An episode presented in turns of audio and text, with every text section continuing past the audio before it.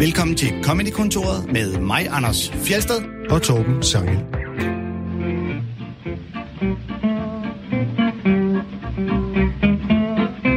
Nu har vi to gange haft øh, programmer om overvurderede komikere, og det må være nok for nu. Så derfor vil vi i dag og de kommende uger gøre det modsatte, nemlig at hylde vores favoritter.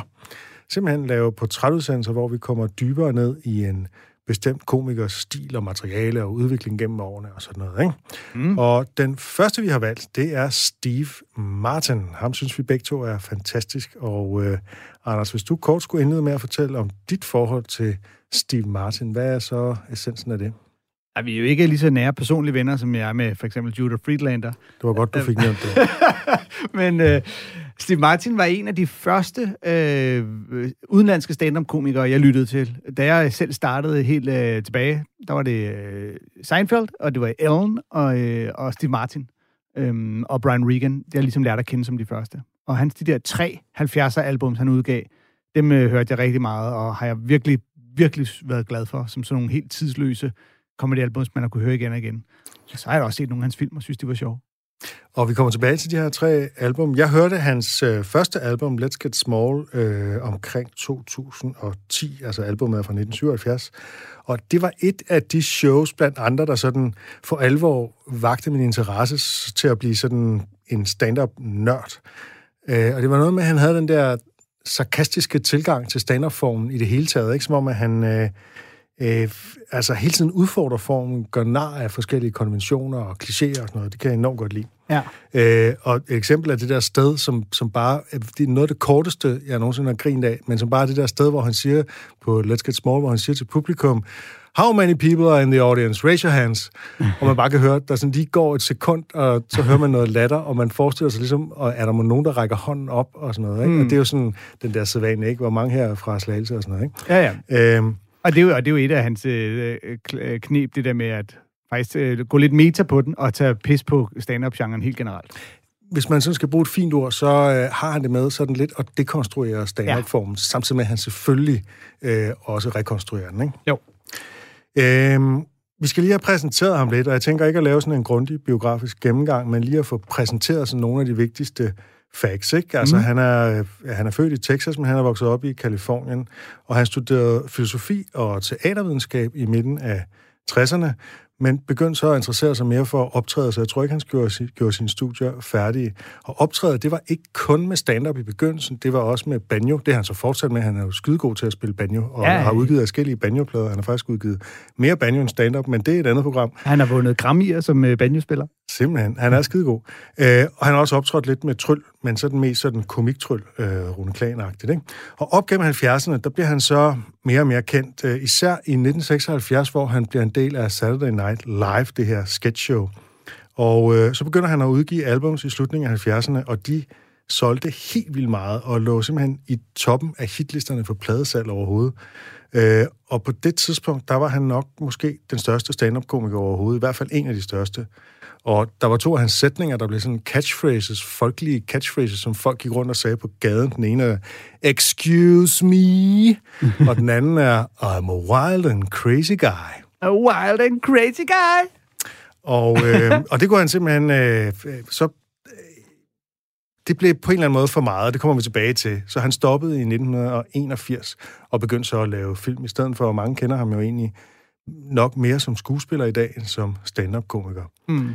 Og siden har han kun altså, nogle få gange optrådt med stand-up ved sådan nogle særlige lejligheder, i hvert fald indtil 2016, hvor der skete noget mere, vi skal komme tilbage til. Har du noget at tilføje til den her lyngennemgang? Nej, nej, det, det synes jeg var øh, meget, øh, meget præcist, og, øh, fordi ja, han laver jo ikke, han stoppede med at lave stand-up, men, og det kommer vi jo sikkert også lidt ind på, han har jo lavet de her, hvor han har, har optrådt eller været på scenen i andre sammenhænge, hvor at hans stand-up-baggrund ikke har fornægtet sig i hans evne til at skrive jokes og, øh, og levere dem.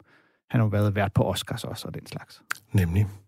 Øhm, nu kan vi jo ikke se ham, men han brugte meget sådan visuelle gags også, og det, det kan vi jo ikke, øh, så det vil jeg bare sådan lige sige. Han optrådte i sådan en meget fint hvidt jakkesæt, og så nogle gange så havde han ballonger på hovedet, eller sådan en pil, der til synligheden gik gennem hovedet, eller kaninører, eller sådan noget, ikke? Jo. Falsk næse, et eller andet, ikke? Øh, så der var ligesom sådan noget, altså noget meget fint i det her jakkesæt, kombineret med noget virkelig, virkelig dumt højkomik og lavkomik, og det kendetegner på en eller anden måde også øh, hans stand-up, at øh, han kombinerer noget meget klogt, som er det her dekonstruktion, meta-comedy, anti-comedy, med noget virkelig, virkelig fladpandet dumt indimellem, ikke? Ja, og han, han er netop meget øh, fysisk, og netop med at danse rundt og, øh, og skabe sig og virke, og virke åndssvagt på scenen.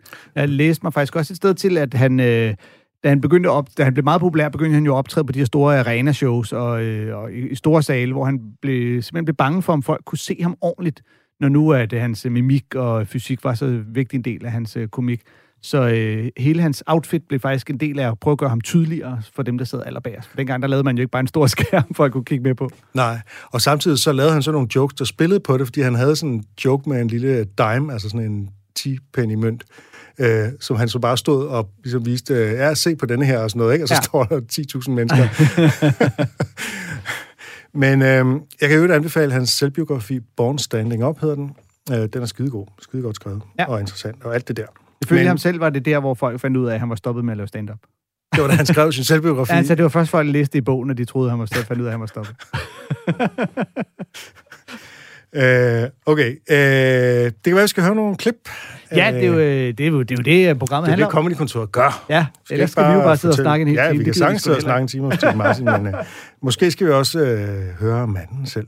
Og øh, det første klip, vi spiller simpelthen et klip fra, til at begynde med i hvert fald, fra hvert album. Og det, det første, det er så altså fra Let's Get Small fra 1977. Og det var den her pladeudgivelse, der blev et kæmpe hit, og øh, øh, selvom at der også er masser af de her fysiske gags og sådan noget, ikke? Den er optaget i San Francisco. Vi skal høre en sang, og vi må hellere understrege, at Let's Get Small, det er jo primært stand-up, men der er altså også et par sange, og vi har tidligere spillet... Ja, spiller noget banjo også. Og spiller noget banjo, og vi har tidligere ja. spillet det, der hedder Ramblin' Man.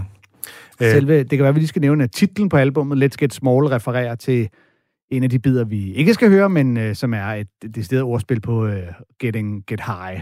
Ja. Tanago, så bliver du høj, og så vender han den om og siger... Ja, get, hvad nu, hvis man kaldte det Get Small, get small og så laver han en masse... Uh, jo, ordspil på det. Den sang, vi skal høre, det er faktisk noget af det første, han nogensinde lavede, helt tilbage omkring 1968 eller sådan noget. Så det er formentlig det ældste øh, optaget materiale, det her øh, selvom han så har skrottet et vers fra den oprindelige version her i 1977. Og det er en meget fin sang, som han har lært af sin bedstemor, og den handler om det gode liv. Thank you. you know, folks, um, when I was a kid, I was very close to my grandmother. And um, she used to sing a song to me when I was just so high, and it's always meant something to me. And I'd like to do it for you right now because it does have meaning in today's world. Even uh, all these years, you know, this even during the hip drug days, you know, when everybody was supposed to be so cool and everything had double meanings. And this, this little simple tune would keep coming back to me. I think it kind of guided me through those years. And uh, I'd like to do this song for you right now. I think it uh, might have a little meaning for you. Be courteous, kind, and forgiving. Be gentle and peaceful each day. Be warm and human and grateful, and have a good thing to say. Be thoughtful and trustful and childlike. Be witty and happy and wise. Be honest and love all your neighbors. Be obsequious, purple, and clairvoyant. Be pompous, obese, and eat cactus. Be dull and boring and omnipresent. Criticize things you don't know about. Be oblong and have your knees removed. Be tasteless, rude, and offensive. Live in a swamp and be three dimensional. Put a live chicken in your underwear. Get all excited and go to a yawning festival. Okay, everybody. Ja, og så gentager han faktisk hele sangen og beder publikum om at synge med her. Øh, hvilket de gør. Hvilket de gør. ja, ja. ja, ja, ja, det er meget folkeligt. Første vers, det er jo sådan helt straight, men det er jo også virkelig cheesy i de der moralske formaninger. Altså, det er jo sådan noget, det er jo sådan noget, man nærmest ikke behøver at sige, fordi det er jo udgangspunktet for enhver adfærd, ikke? Jo. Øh, og han har også han har så framet det, øh, det er jo meget sjovt, i, også i lyset af, hvad vi har sagt, ikke? at der er den her hippetid, hvor alting skal have en øh, dobbelt betydning og sådan noget, ikke? Og så er det rart med et, bare sådan et simpelt budskab og sådan noget, ikke? Så han framer det virkelig som, at nu kommer der noget, der skal igennem alt det her ironi og sarkasme og sådan noget, ikke? Det kommer fra den mest sarkastiske stand-up-komiker nogensinde, ikke? Jo, jo, men han er, han er god til det der med altid først at præsentere tingene som i, at det, at det, er det, det, nu bliver det rigtig rigtigt, og nu, nu kan vi godt forvente, at det bliver helt seriøst, og så, og så ved man, at det gør det i hvert fald ikke. og andet vers, det er jo sådan næsten også straight, men så kommer den sidste linje, ikke? Ja. The obsequious purple and clairvoyant, vær slæsk, lilla og clairvoyant. Ja. Som er lidt mærkeligt bud. ja. Ja, det, og så fortsætter den jo altså med absurde linjer som uh, være aflang og få dine knæ fjernet, og leve i en sump og være tredimensionel og sådan noget, ikke? Jo. og så kommer der uh, lige pludselig en straight sætning midt i det hele, som er kritiseret ting, du ikke ved noget om. Uh, som jo uh, selvfølgelig er det omvendte af, hvad man skal gøre, men som jo er noget, rigtig mange gør. I virkeligheden, som slet ikke er absurd, modsat alle de andre ting. Ja. Det er jo sådan lidt mærkeligt, at den lige pludselig kommer der. At der er en lille, en lille spids en, så stikker han lige med satirelansen. Ja. ja, det er rigtigt. Men det er skægt, fordi når man virkelig hører efter her, øh, selve formen, det der med, at øh, nu øh, kommer der noget der fra min bedstemor, og seriøst, og noget, jeg har taget med mig, og så den der sang, øh, og så pludselig så bliver det absurd og sært. Det var forholdsvis klassisk, og, men det er jo en kunst i sig selv, at kunne gøre det absurde, absurd på en sjov nok måde. Altså, man tænker, vi kunne alle sammen øh, putte skøre ord ind og sige, om man skal være lilla og klaverjant. Men, men det, de ting, han vælger, er alligevel bare skæg. Altså skæggere end. Men ja, man, man har lyst til at også vide... fordi de ting, der bliver sat sammen, har ikke rigtig noget med hinanden at gøre tit. Og det er sådan... Øh, øh, det, jeg tror, at måske han har prøvet forskellige ting af. Jamen, det er jo det, man har ligesom lyst til at høre, hvad for nogle versioner har ikke rigtig fungeret. eller... Og øh, nu skulle man faktisk tro, at du vidste, hvad jeg vil komme med nu. Fordi øh, jeg har taget noget med. Du har, har du researchet? Ja. jeg har det vers, som ikke er med. Nå, øh, som, som står i hans øh, selvbiografi, Nå, som simpelthen er røget ud, men som var i den oprindelige version. Okay, fordi øh, man kan jo også høre på publikum, at allerede da han begynder at præsentere ideen om uh, Grandmother Song, er der nogen, der griner det der, ja, yeah, vi har set dig Måske, før. fordi det har vi han ved, jo det optrådt med øh, Lige præcis, det der, ikke? Det, det, øh. Og det, det, det er rart, når man får den fra publikum på sådan en, ja, hvor fedt, det har jeg glædet mig til.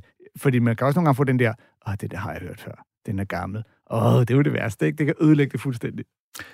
Vil du høre det værste, der er ud, Anders? Ja, lad os høre det værste, der er ud. Be sure to stop at stop signs and drive 55 miles an hour. Pick up hitchhikers foaming at the mouth. And when you get home, get a master's degree in geology. øh, det er måske heller ikke det, ja, tak. Det er måske heller ikke det sjoveste vers, men, men altså især måske den sidste linje med, at når man kommer hjem, så skal man så lige tage en magistergrad i geologi, synes jeg egentlig er meget sjovt. Ja, og men det er også fordi, de linjer, de ligger så langt fra hinanden, de overhovedet kan, uden at det, det virker som om, at han altså, har spekuleret i, at de skal... Ja, altså så det, det kommer jo lige efter, at han har været ude og tage en, øh, en meget, meget øh, skummel hitchhiker op, og så tager han hjem og tager en magistergrad i geologi og sådan noget. Ikke? Og der er jo sådan et eller andet, det minder jo om nogle formaninger, man kender, altså du skal ikke tage hitchhiker op, og du skal sørge for at få en college degree og sådan noget. Ja. Ikke? Så der, den spiller jo på formaninger. Men har, øhm, var det her, var det, det er jo taget ud, men var det det sidste vers, eller lå det inde et sted? Det var det næst sidste vers. Okay, okay. Og den sidste linje i sidste vers var faktisk også øh, en anden. Det var noget med... Ja, det har jeg glemt lige nu. Ah, så det var ikke uh, Go to a Yawning Festival? Nej, det var faktisk noget andet. okay. øh, jeg, har, jeg har glemt det lige nu. Det står i hans selvbiografi. Okay. Det, øh, og, det, og det er også på Let's Get Small-albummet, at øh, han laver Excuse Me, biden, ja. der jo gik hen og blev sådan en rigtig catchphrase. Øh, og den havde han faktisk inden da lavet på, øh, hvad hedder det, Saturday Johnny Carson? Ja, enten no. Saturday Night Live eller Johnny okay. Carson. Han havde i hvert fald lavet den på tv, så folk, ja. mange kendte den faktisk allerede der. Ja. Øh, ja, og, øh, og den, var, øh, den vandt en øh, Grammy for øh, bedste comedy recording.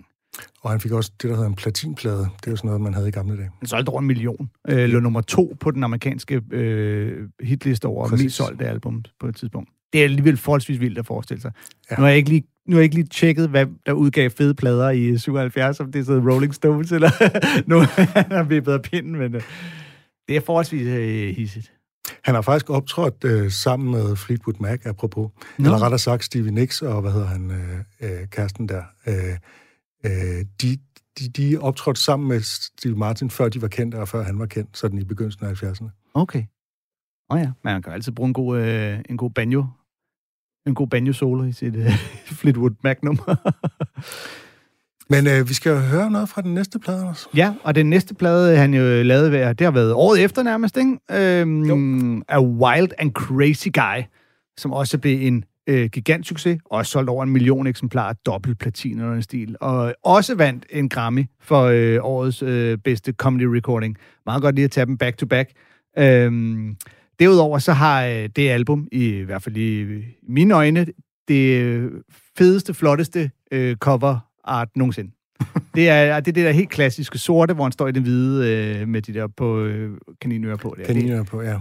det, er, det er et sindssygt lækkert. Øh, det, skal, det skal vi gøre til en ting i Comedy-kontoret en dag, at kåre et fedeste øh, cover, showplakat og lignende, inden for Ja. comedy nogensinde. Og det er virkelig god radio at tale om visuelle Ja, ting. det, det, jeg, kan ikke, for- jeg kan ikke se, hvorfor vi skulle holde os tilbage for en brainstorm undervejs i programmet.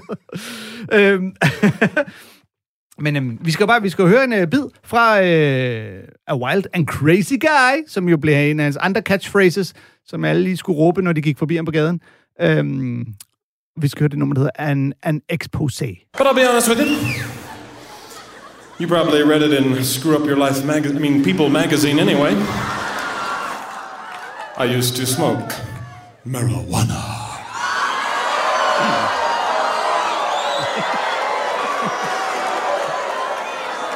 But I'll tell you something. I would only smoke it in the late evening. Oh, occasionally the early evening, but usually the late evening or the mid evening. So I just just had the early evening, mid evening, and late evening. Occasionally early afternoon or the mid afternoon or perhaps the late mid afternoon. Uh, oh, sometimes the early mid late early morning. But never at dusk. Never at dusk. I would never do that. Okay, hey, Grandpa bought a rubber.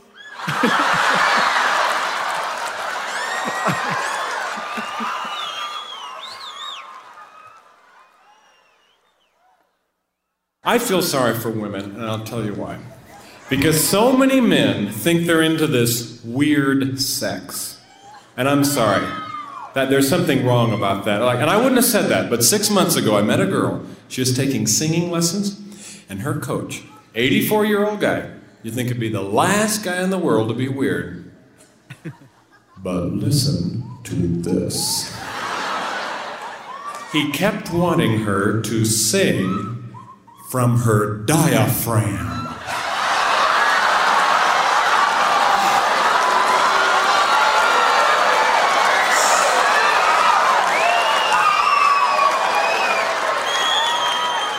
I mean, that would take years to learn that, wouldn't it?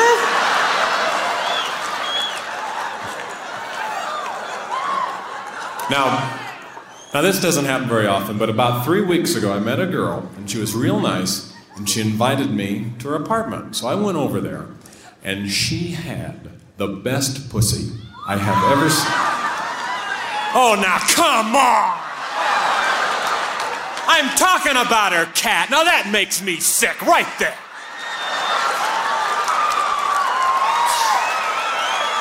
No. No, you, you can't say anything anymore that people don't take it dirty, and I'm sorry, that disgusts me. That cat was the best fuck I ever had.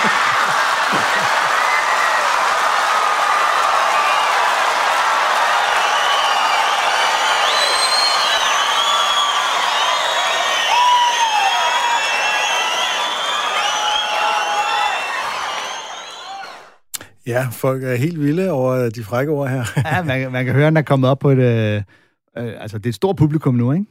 Jo, det kan man roligt sige. Og de, altså, de viner jo, altså, så snart han siger de der ord. Ikke? Ja, Øh, jamen, det og det. det er, jo, det er jo det tidspunkt i det her, det er, at det har det, det, det, er nok, det er nok, øh, det var mere frækt dengang at sige øh, pussy og diaphragm og marijuana og sådan noget. Ja, det kan godt passe. Øh, fordi egentlig har man en idé om, det er jo, jeg gætter på det San Francisco, eller i hvert fald Kalifornien, det er optaget i, så, så marijuana, det er jo ikke, jeg tror ikke, det er, fordi det er sådan helt... Nej, jeg tror, det er jo det der med at stå og sige det på en scene. Man kan bare høre, at publikum ja. reagerer på alene, at han siger, at han ryger marijuana. Og det Ej, er der en milliard komikere, der har stået og sagt på scenen ja. siden da.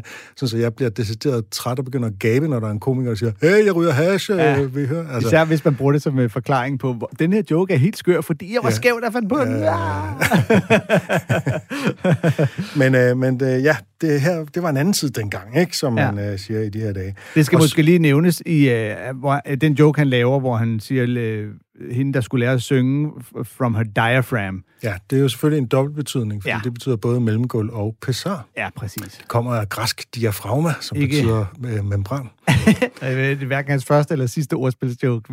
Nej, det er det ikke, og det er jo det. Der er mange ordspilsjokes her. Jeg synes jo egentlig, at det mest Steve martin her, det er der, hvor han bare lige pludselig uden nogen kontekst synger det der Grandma had a rubber, ja. eller bought a rubber. Eller ja, Grandpa, ja, det er rigtigt. Og, og så, altså, ikke noget, ingen kontekst, ingenting, mm. bare sådan en mærkelig sætning, ikke? Og noget, der også er lidt specielt for, øh, for, jeg ved ikke, om det er for tiden eller lignende, men hans album er den måde, at at det ligesom er små, det er små bidder sat sammen. Man kan også høre her, Man hvordan høre, der bliver klippet, det fader, ja. og så starter det igen. Ikke? Øh, det er ikke et show, du hører fra øh, start til slut. Det er ligesom om, det er sat lidt sammen. Jeg ved ikke, om man hører det kronologisk, som han har sagt det, eller lignende, men, men man kan netop fornemme det der med, at det ligesom er sat ind, hvor man i dag er det jo, føler mange i hvert fald, det er meget vigtigt, at du ligesom har et show, der starter et sted og slutter et sted, og der skal være en rød tråd. Og, og så tror jeg også, at man selv når man sætter, sætter dem sammen i dag, så vil man prøve at gøre det sømløst, så man ikke kan høre, at det er sat sammen. Så vil man klippe, altså så vil man bare klippe noget mere publikumslyd ind over, så lyder som om han bare fortsætter derfra. Ikke? Jo, præcis. Og især fordi her, der kan man mærke, det er jo selv inde i det samme track, at det bliver klippet. Altså, det er ikke engang sådan, at du kommer til et nyt nummer, at den så fader ud og starter på nyt. Det er inde i det samme, at det pludselig... Jeg er heller ikke helt sikker på, hvorfor øh, det er gjort på den måde. Men, øh, Højdepunktet her, det er, jo, det er jo selvfølgelig pussy-joken til sidst. Og det er den jo fordi, at man tror først, at det er et virkelig sådan plat, øh, bare netop et ordspil på pussy, og så den der klassiske med at skælde publikum ud for at have en beskidt tankegang, selvom ja. det er ham selv, der har plantet den der. Øh, men så, øh, så twister han den jo, og så har han gemt øh, en egentlig punchline, ikke? Øh, som selvfølgelig er, uh, that cat was the best frog I ever had. Ja, ja. Bait and switch, switch, switch. ja, og det er jo typisk, der er jo et eller andet, altså Steve Martin, han... Øh, han skriver i den her bog, at han hader traditionelle punchlines, og det, som han hader, det er, fordi han kan jo ikke komme udenom punchlines, så han har jo netop punchlines, men han hader sådan nogle, hvor man kommer til en punchline, og så kan man høre det på tonefaldet. Man ved, hvornår punchlinen kommer, sådan noget Jimmy Carr-komik, kunne man sige i dag. Ikke? Mm. Øh, så han vil gerne altså, helt eliminere i virkeligheden den traditionelle punchline. Det kan han så ikke, men han leger med, hvor de ligger hen. Vi har også spillet det der, den bid, der hedder Hostages, ikke? Hvor, ja. som handler om, at han har nogle gisler, øh, hvor han laver hvor punchlines bliver til et nyt setup til en ny punchline og sådan noget, ikke? så man har sådan en, en kædereaktion, så han sørger for at i hvert fald at, at bryde med den der forudsigelighed, der ligger i bait switch-formen. Ja, ja men helt rigtigt. Hans uh, jokes har, uh, er ligesom løg. Der er flere lag. Præcis. Og, uh, og man får øhm, tår i øjnene, fordi man griner så meget. Vi har faktisk en uh, gæst på linjen øh, en tilfældig lytter, der har ringet ind. der fuldstændig har gættet, hvornår vi optager det her program. han, han, hedder, han hedder Thomas Warberg, og han er en meget stor øh, Steve Martin-fan. Hej Warberg, det er Sangel her. Kan du høre mig? Ja, kan du høre Godt. mig? Ja, jeg havde lige glemt at trykke på en knap, eller jeg havde trykket på en forkert knap, så går jeg. Man skal unmute. tak, tak for, øh, for lektionen. Hvad synes du, at øh, Steve Martin er bedst til? Hvad vil du pege på som øh, det, der virkelig er fedt ved Steve Martin? At, øh, oh, der er mange ting, men det, han er allerbedst til, vil jeg sige, at jeg synes, han formår bedre end nogen anden at gøre sine 10 minutter, eller sine 20 minutter, eller sin times show til et koncept, hvor der inden for stand-up er en meget stor idé om, at den, der er bag scenen, til den, der går op på scenen, at du skal mindske skældet så meget som overhovedet muligt, så synes jeg, Steve Martin formår at skabe et akt fra det sekund, han går ind. Og det er ret vildt med. Ja. Kan du give et eksempel på det?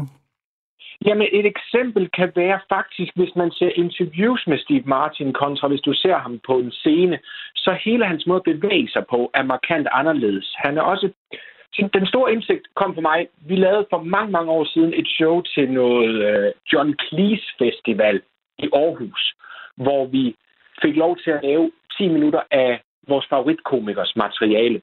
Ja. Og jeg valgte at lave Steve Martin, og uden at have tænkt over, hvad det var, jeg gik ind til. og jeg var tre minutter inde, og så var jeg nødt til at stoppe op, fordi jeg kunne ikke få vejret. Så fysisk hårdt var det at fortælle hans jokes. Var det i din øh, buttede periode? Åh, oh, ho, ho, ho, ho. Jeg vil våge at påstå, at jeg ikke er kommet ud af min buttede periode endnu, men det var i min fede periode. Øh, tak, men men det, var, det, var, det var en indsigt, fordi at hver eneste joke er så fysisk, den er så krævende, den er ikke, den er ikke laid back, den er et lille act i sig selv. Bare hans, nu har jeg ikke hørt jeres program her, men så jeg ved med snakke med, med hans, øh, øh, jeg vil gerne gøre noget, der er skørt åbning Ja. hvor han Ja. vil suge et, øh, et bord op igennem sugerør. Altså, han er nede, han er fysisk, så hopper han en smule for at gøre noget, man ikke har forventet. Så siger han, det er fedt at være her, det er fedt at være her. Han er enormt bevægende, han er enormt ude, og slut til, så spiller han banjo. Altså, alene tempoet at sætte for dagen er, er hestblæsende. Mm. Og du har jo ret i, at, at han er jo øh, en helt specifik karakter, så snart han går på scenen. Ikke? Den der goofiness, han ligesom tillægger sig, er jo øh, ikke noget, han har i nær samme grad, når han ikke er på scenen. Nej, og lige præcis, og det, og det lader til, at den goofiness er med til at arbejde for, at joken og hele konceptet bare bliver stærkere. Mm. Så det lader til, at der ikke er, der er ikke truffet et valg på den scene ubevidst. Nej. Og det er meget atypisk, hvordan stand arbejder nu. Men faktisk også, da jeg startede, der var det meget, prøv dig frem, lave nogle ting, tage en sædel med op, improvisere, hygge dig. Og lige pludselig kom der en her, som også du kan se, hvordan han er klædt, er vigtigt. Ja, vi har snakket om det her hvide jakkesæt, og det er jo en ting, som du også har øh, tit har gjort, altså være meget velklædt på scenen. Jamen, det er, jo, det er jo interessant at kigge på, fordi netop, at, at vi er jo alle sammen bare den samme type mand. Altså, og da jeg startede, var det nærmest heller ingen kvinder, så vi var jo alle sammen bare drenge i midt-20'erne i jeans, t-shirt og stridthår med Dax Wax, ikke? altså, og, og hvordan filan skiller man sig ud? Og han var bare en, en mand, der havde vist, sådan her skiller du dig ud. I hver eneste, altså i måde, du bygger din joke op på, måde, du leverer den, hvordan du ser ud, hvordan du kommer ind, alt skilte sig ud i forhold til de andre. Det synes jeg bare, bare var vanvittigt inspirerende. Ja. Er der noget, øh, Steve Martin, i din stand-up, Thomas Warberg? Øhm, der er i hvert fald en idé om at ture øh, gå lidt længere med sin levering. Og også ture... Ah, jeg måske bevæger mig lidt længere væk, men, men jeg var inspireret i lang tid af at ture lave et act deroppe. Ja. Og simpelthen sige, nu bevæger vi os ind i tre minutter, der er et lille skuespil. Øhm, jeg har faktisk, for jeg sad og gennemså en masse i dag for lige at blive mindet om, fordi jeg vidste, at, øh, at I ville ringe. Og jeg var egentlig overrasket over, hvor meget jeg ser Ruben Søltoft i Steve Martin, faktisk. Det kan jeg egentlig godt se, Øh. når du siger det, ja. Ja, hvor, som jeg egentlig synes har mere den her goofiness og den her leg med ting, men også musikaliteten ind over øh, sit show. Så Ja, for mig præcis. tror jeg, at han var mere en inspiration i de første mange år, Mm. og nu er jeg nok bevæget lidt mere væk. Jeg, jeg er jo dybt uenig med hans... Øh, han mener, at åbningsreplikken er det vigtigste overhovedet i et show, og jeg synes jo, det er det mest ligegyldige overhovedet i et show. Så der er vi jo lidt uenige. Okay. Den er svær at undvære.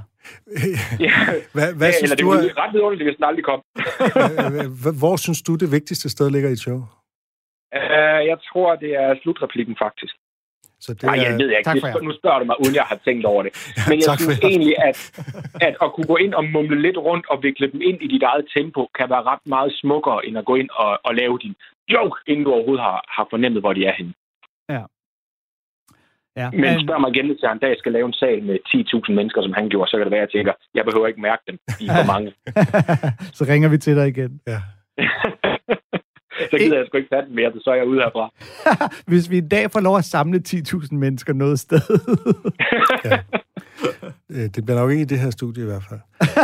øhm, Thomas Warberg, du skal have tusind tak for dit øh, bidrag her, og øh, fortsat god dag.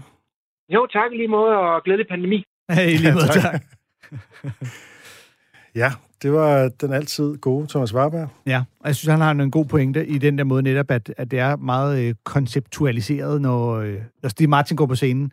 Øhm, og at den der måde, han, fordi han, det er som om, han hele tiden er den der rolle af, at ah, det, det her det er noget, vi leger -agtigt. Han siger også, okay, we're moving now, som om, at øh, øh, øh det hele er sådan lidt, hvis han spørger nogen om noget, så, så er det ikke noget, Steve Martin gerne vil vide. Det, det er noget, man, han ved, man gør på scenen, så nu leger jeg lidt med forestillingen om at være sådan en, der skal gøre, der skal prøve at gøre, sådan som man gør på scenen. Og dybest set, så handler det jo om, at han, tror jeg, han prøver at finde ud af, hvordan kan man overraske publikum? Hvordan kan man selv overraske et publikum, der godt ligesom kender formen. Ja, præcis. Og hvordan det, måske kan han også overraske sig selv, øh, ja, hvis det bliver lidt en, øh, foregribe, hvorfor han så også stopper, ikke? Jo, og bliver lidt en øh, parodi på øh, sådan nogle klassiske øh, shows af den art, sådan nogle typisk Vegas-shows, ikke? som han jo også i sin øh, stand-up-albums parodierer og, og gør nej af. Ja. Øh, på, med alle de der øh, tricks, man bruger. We're moving now. Okay, sikkert vi så er vi i gang. Kan I lide det? Sådan der. Ikke? Mm. Og så samtidig med, så tror jeg også, at den karakter, han er på, er med til at give ham øh, udstråle noget selvsikkerhed, øh, noget selvtillid. Ikke? Hvor at, hvis du går op og bare er selvsikker nok, så ved du, at publikum, så er de sådan lidt, okay, vi må hellere være med her, der er ikke noget at være urolig for, vi er gode hænder. Øh, så snart at du viser tegn på, øh, hvad skal man sige, svaghed eller usikkerhed, så begynder de at bedømme dig i langt højere grad. Ikke? Så bliver de til dommer og siger, hvad, hvad nu her?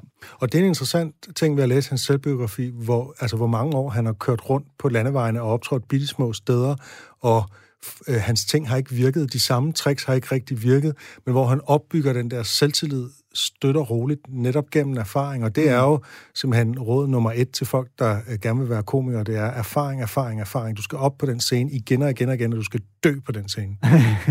ja. Altså dø, som jo er en metafor, øh, skal vi lige sige til øh, dem, der ikke ved det, er, er en metafor for, at folk ikke griner. Ja, Det, det føles simpelthen, altså Steve Martin skriver direkte i selvbiografien, det føles værre end den rigtige død. Ja, og, der, og det kan være virkelig rart for, øh, for sådan nogen som mig, at øh, høre sådan nogen, at sådan nogen som Steve Martin, eller Jerry Seinfeld, eller øh, Chris Rock, eller hvem det kan være, fortælle om de shows, de har lavet, hvor folk slet ikke har grinet. At man ved, godt, hvis det kan ske for jer, så er det, altså, så er det fordi, vi nogle gange bliver sat i nogle situationer, hvor det er ligegyldigt, hvem der er på. Så er det bare ikke muligt at få det grin frem. Og det, det er rart at lige kunne læne sig op af, når det i gang mellem sker for en til. det skal selvfølgelig ikke gøre det til en undskyldning hver eneste gang, man står og sutter. Nej, det er jo sådan, øh, det er jo en ting, man også skal råde komikere til, det er, skyd ikke skylden på publikum, hvis de ikke griner. Altså, Nej. det er dig, der skal få dem til at grine, ikke? Ja, selvfølgelig. Men der er også bare nogle gange, hvor man har været ude et eller andet sted, hvor man tænker, nu sidder de og tænker, ej, hvor var ham der dårlig. Men virkeligheden er, at der var ikke nogen, der kunne have gjort det her bedre. Øhm, og det er jo derfor, at selv Steve Martin kan fortælle historier om dengang han var ude, og folk slet ikke grinede. Ja. Så, øhm, skal, vi, øh, skal vi høre et, øh, Ja, et, et klip fra hans øh, sidste album, kan vi vel godt kalde det? det kan vi godt kalde Hans det, ja. øh, stand-up Sidste stand-up, regulær stand-up album. trilogien, der udkom der i slut 70'erne. Comedy is not pretty. Øhm, og det, øh, ja, det, vi, det, skal vi, øh, det vi skal høre faktisk øh, slut, slut, slut track, sidste track på albumet, øh, You Can Be a Millionaire. You can be a millionaire and never pay taxes. You can have one million dollars and never pay taxes. You say, Steve, how can I be a millionaire and never pay taxes? First, get a million dollars. Now, you say, Steve, what do I say to the tax man when he comes to my door and says, You have never paid taxes? Two simple words. Two simple words in the English language. I forgot. How many times do we let ourselves get into terrible situations because we don't say, I forgot? Let's say you're on trial for armed robbery. You say to the judge, I forgot armed robbery was illegal. Anyway, I'll take this with me. I did a lot of good gags from this, the old comedy bits, and uh, I've uh, don't really need to do this anymore. I'll be honest with you, because I invested my money. And uh, anyway, you have been a great. Wait a minute, I had fifty dollars in here. No, I had fifty dollars in this pocket right here, and it's gone now. Someone stole my fifty dollars, and it was somebody out there. I'm sorry, I'm a little pissed off about this. Now, was it my road manager? Did he steal my $50? Was it my personal manager, my, my agent, my, my lawyer, my accountant? Was it my girlfriend that stole my $50? This makes me sick. And I know I had the $50 because I always put my money in this pocket. I never put it in this.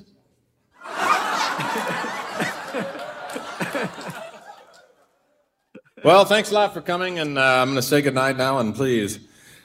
I'm going to say something. You know, I started out here at the boarding house, and I don't like to get uh, corny or sentimental, but I'd like to say something that uh, is not part of my show. This is uh, not something I say every night. As a matter of fact, this is the first time I've ever said this. Mongo, Mongo Wongo, Yakataka Wana, Hajasakata. Thank you very much. Good night. Thank you. Det er jo slående, han har den her meget overdrevne diktion, ikke? hvor han strækker nogle enkelte bogstaver eller stavelser meget, ikke? så han får det til at lyde sådan, øh, ja, på en gang sådan lidt højtidligt, men jo, det bliver også for meget, så det får sådan et ironisk lag, og jeg kan ikke lade være med at tænke på Paul F. Tompkins, Ja. der har noget af den samme diktion, især når han øh, skal, skal vise nogen som værende sådan opblæste, altså øh, elegant balloons, altså sådan Ja, den rigtigt. der måde at tale på, ikke? Jo, men, øh, og han, øh, men det er jo igen, fordi han, øh, han, er, han er jo lidt karikeret, altså hele den der karakter, ikke?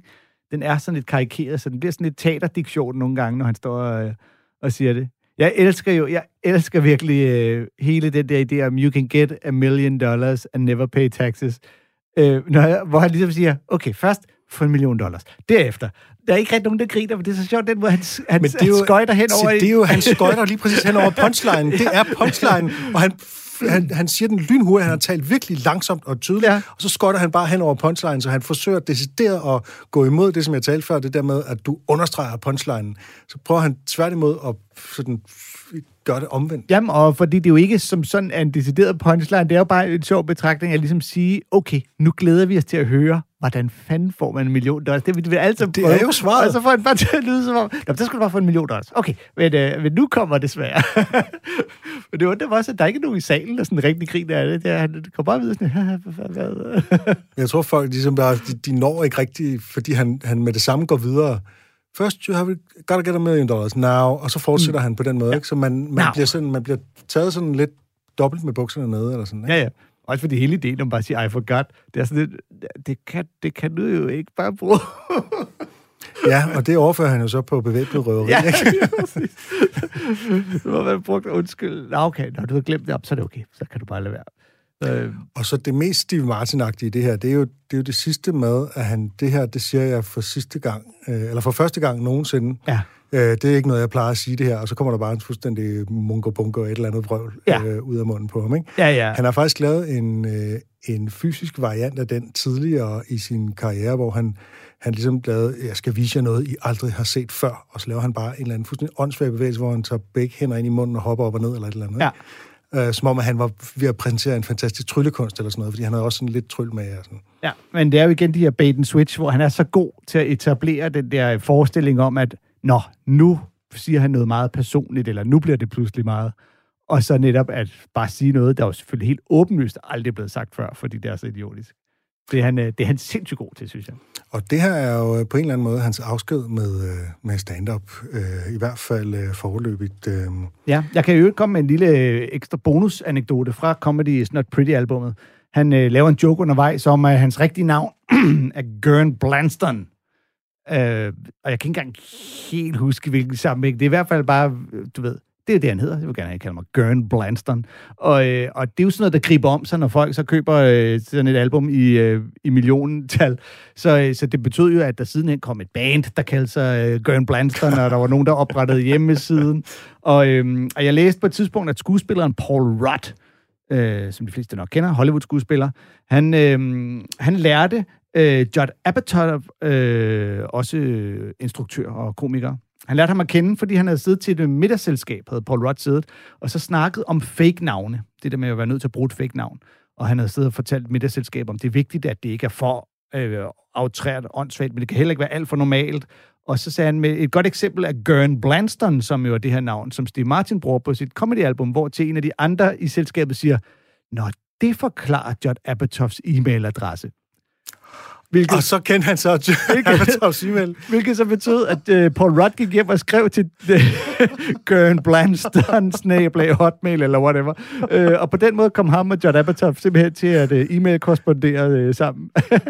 Okay, det var Fordi en at god anekdote. Han var også, uh, synes også, at Steve Martin var så sjov, så han tænkte, det skal sgu være min e-mail.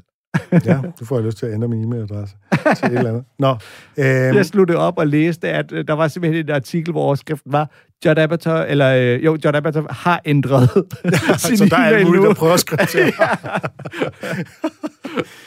øhm, nå, men det her, det er jo altså slutningen af hans stand-up-karriere, ikke? Og man kan... Øh, skal måske lige runde det her med, hvorfor han egentlig stopper, ikke? Altså, det går meget, meget stærkt for ham. Altså, fra der i årene 76-77, der går han fra at være en lovende komiker til at være en gigantisk berømthed, der optræder for 10.000 vis af mennesker på stadioner og skovler penge ind og sådan noget, ikke? Og i den proces, der dør for ham altså det der lejende element ved comedy, som jo tydeligvis er sådan hele udgangspunktet, ikke? Øh, og samtidig på det sådan mere personlige plan, så oplevede han også altså, den her ensomhed, som berømtheder de tit kan, kan opleve. Ikke? Altså, hans relation til andre mennesker, det er folk, der vil have hans autograf, eller folk, der gentager hans catchphrases. Ikke? Der er sådan nogle mm. anekdoter om, at han tager en taxa, og så råber chaufføren ud af vinduet, I'm a wild and crazy guy, og sådan, alle skal se, at han har kørt med Steve Martin. Og, altså, det er sådan fuldstændig øh, overkørt det hele. Ikke? Jo, og- og, det, og- og, og selvom man så er omgivet af ivrige mennesker, så kan man godt føle sig ensom i alt det der, fordi det er bare, de vil bare have en, noget af ens stråleglans. Ikke? Ja, præcis. Og det der med, at det bliver svært at leve i den øh, karakter, som alle kender en som. Altså den karakter, han er på scenen, den kan han ikke rigtig få lov at træde ud af, netop fordi alle jo kommer hen til ham og excuse me, og så er det lidt svært at bare være sådan lidt, ja, øh, jeg er bare lige Steve Martin, jeg kunne egentlig bare lige godt bruge en kop kaffe. Så den succes, han kæmpede for i overvis, den blev på en eller anden måde også, den blev han selv lidt offer for, kan man sige. Ikke? Mm. Øhm, så han stoppede og optrådte kun med helt særlige lejligheder. Ja, uden at han annoncerede jo aldrig, at han stoppede. Du ikke sådan, han sagde, så, Nej. så er jeg, jeg er færdig med stand-up nu. Det sagde han ikke, han holdt bare op. Jeg har også hørt om sige steder netop, at, at netop når man er, når ens comedy er et koncept, så på et tidspunkt har alle jo ligesom kaldt det. Nu ved alle, hvad det går ud på. Så, øh, så kan du ikke blive ved med over. Altså, så, så pludselig er dit publikum foran dig, og så bliver det svært at være sjov. Ja. Øhm, man kunne sige, Geo, han led jo lidt under det samme med, at, at folk pludselig vidste, at om lidt så gør du noget vildt, så nu skal det være rigtig vildt for at overraske os, ikke? Øhm, øh, til en grad, hvor han jo simpelthen var nødt til at påføre sig selv kraft.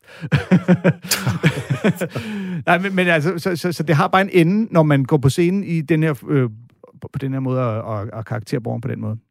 Og så begyndte han jo at lave film i stedet for. Ja, det gjorde han nemlig. Øhm, jeg har faktisk også øh, læst et sted, at han udtalte, at han simpelthen satsede på film, da han tænkte, det var, det, det var en mere langtidsholdbar øh, måde at, at gøre tingene på. Det kan man jo sikkert det, er jo, det kan man jo give ham ret i. Det kan være en snak med Woody Allen om det.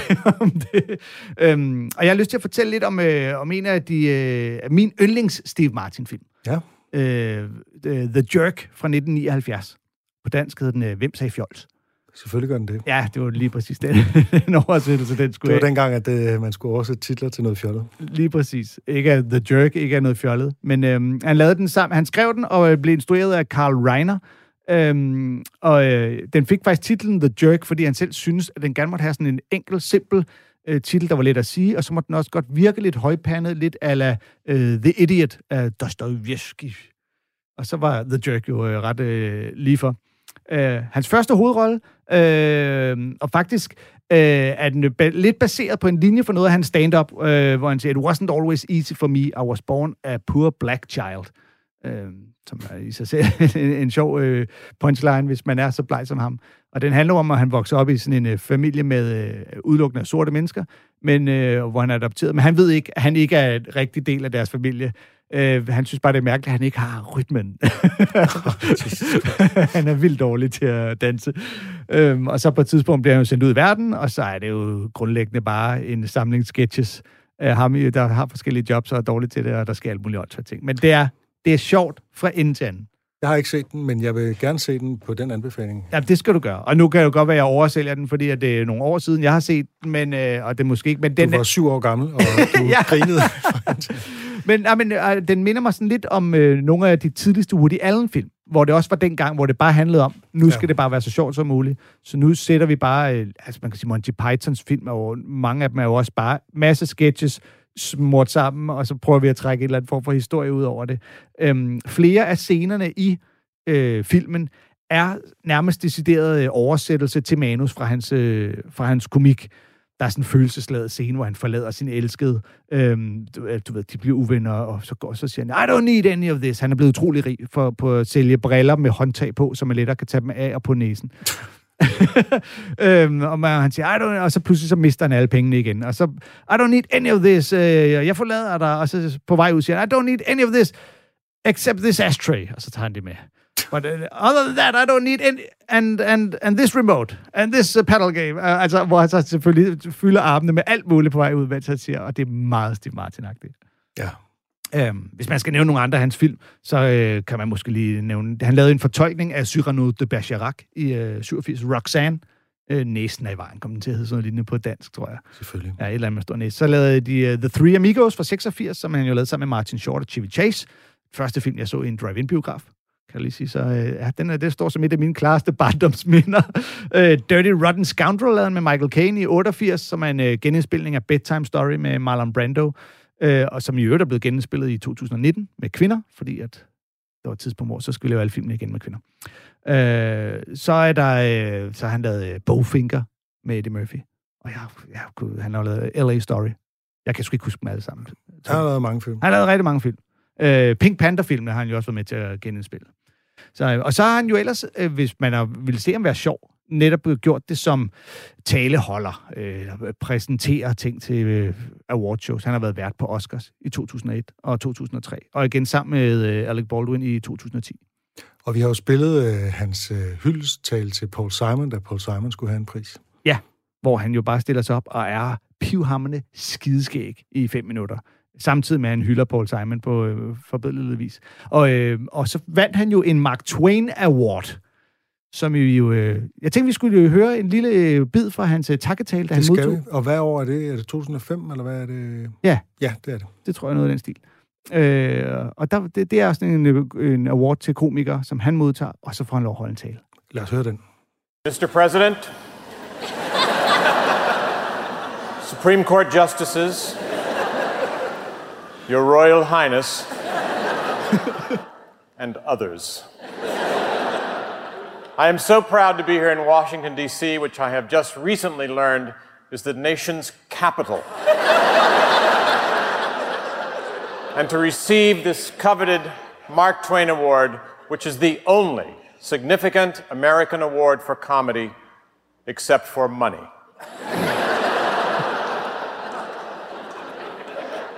If in my comedy career I have made you laugh once, then I have done my job.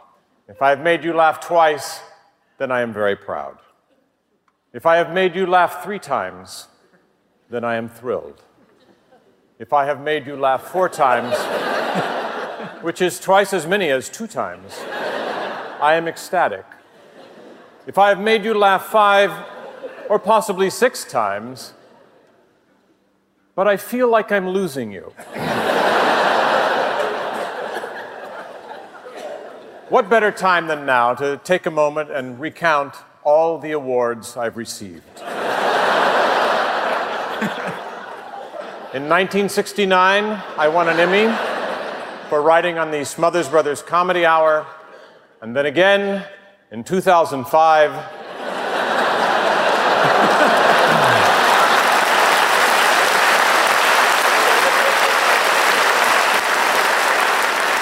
I won the Mark Twain Prize. But of course, the Mark Twain Prize is very special to me because it is more recent. I was first introduced to comedy at the age of six, and this began what is known as my dark period. and it's hard to believe that my career is still growing strong, especially considering that three years ago I passed away. I, I guess that's called momentum. When I look at the list of people who have been uh, given this award, it makes me very, very satisfied.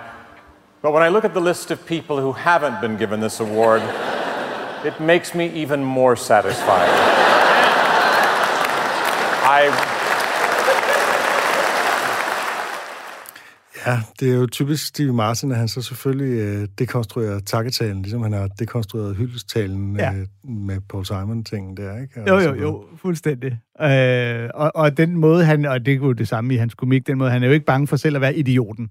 Øh, det er jo ikke, fordi han som sådan er selvironisk, men han udstiller bare sig selv som værende øh, øh, enormt meget dummere, end han i virkeligheden er. For det er tit rigtig sjovt, når man gør det på den måde. Ja. Øh, altså, som for eksempel øh, her i Washington D.C., som jeg for nyligt lærte af vores hovedstad. Ja. Og så er det sjoveste, synes jeg nærmest er der, hvor han vil opremse alle de priser, han har modtaget, og man tror, der kommer en lang række, og så har der en i 69, og så er der den, han står og får ja. i dag i 2005. Ikke? Ja, præcis. Og den, han har fået øh, senest, er selvfølgelig den fedeste, fordi det er den seneste. ja. Så det er, også, det er jo er en måde sådan at tale prisen ned på, i stedet for... Altså, det er jo... Det er jo som modsætning til de der sentimentale øh, Oscar-taler og sådan noget. Ja. Hvor sådan, åh, det er, hvad jeg har drømt om hele mit liv, og det er jo fantastisk at stå her og sådan noget. Ikke? Og så ligesom vende den lidt rundt, og så sige, ja, okay, det er den seneste, så det er et eller andet, ikke? Jo, lige præcis. Øh, jeg har faktisk i samme ombæring øh, hørt ham holde en takketale for en eller anden Achievement Award, han modtog, hvor han sagde, jeg har altid drømt om at få en Lifetime Achievement Award fra The Oscars, og efter jeg har modtaget den her, så håber jeg endnu mere, jeg får den. øhm, så han var jo altså, bortset fra de her små taler og, og gæsteoptrædener, så har han jo været væk fra stand-up siden, øh, siden 81. Ja. Men øh, så fik han en slags comeback i 2016, eller gjorde en slags comeback, på, et meget, på en meget mærkelig måde, nemlig som sådan en hemmelig opvarmer for Jerry Seinfeld. Mm-hmm.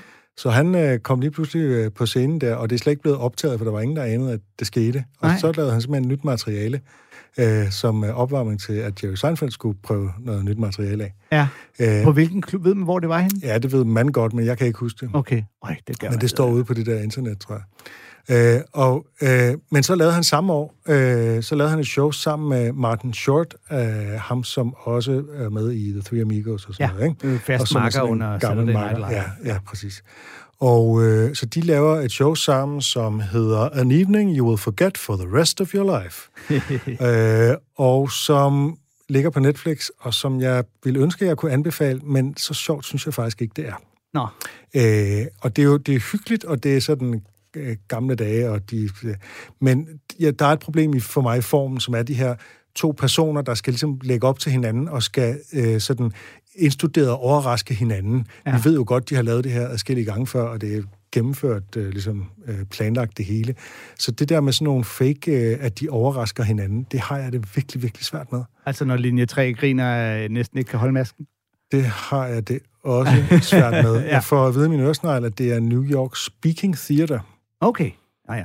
Det, ja, det er jo kun fordi, jeg spekulerer over ting, når man kommer hjem og, øh, og kan fortælle, så var jeg lige se ham her. Så var Steve Martin skulle også lige på. Ja, ja, ja. Oh. det er fandme fedt. øhm, I dag, der kan man følge ham på Twitter. Mm. Det, hans seneste tweet, det er, hvor han spiller banjo.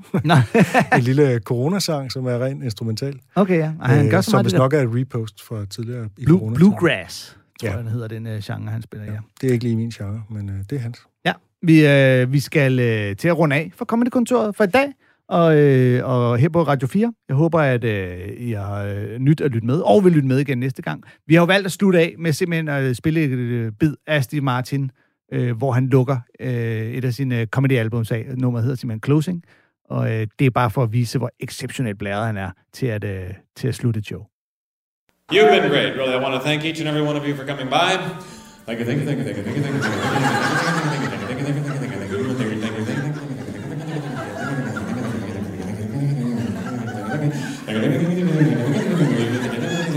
doing this. Thank you, thank you, thank you, thank you. So I guess I'll get rambling now, because I'm a rambling guy. Got a lot of important things to do.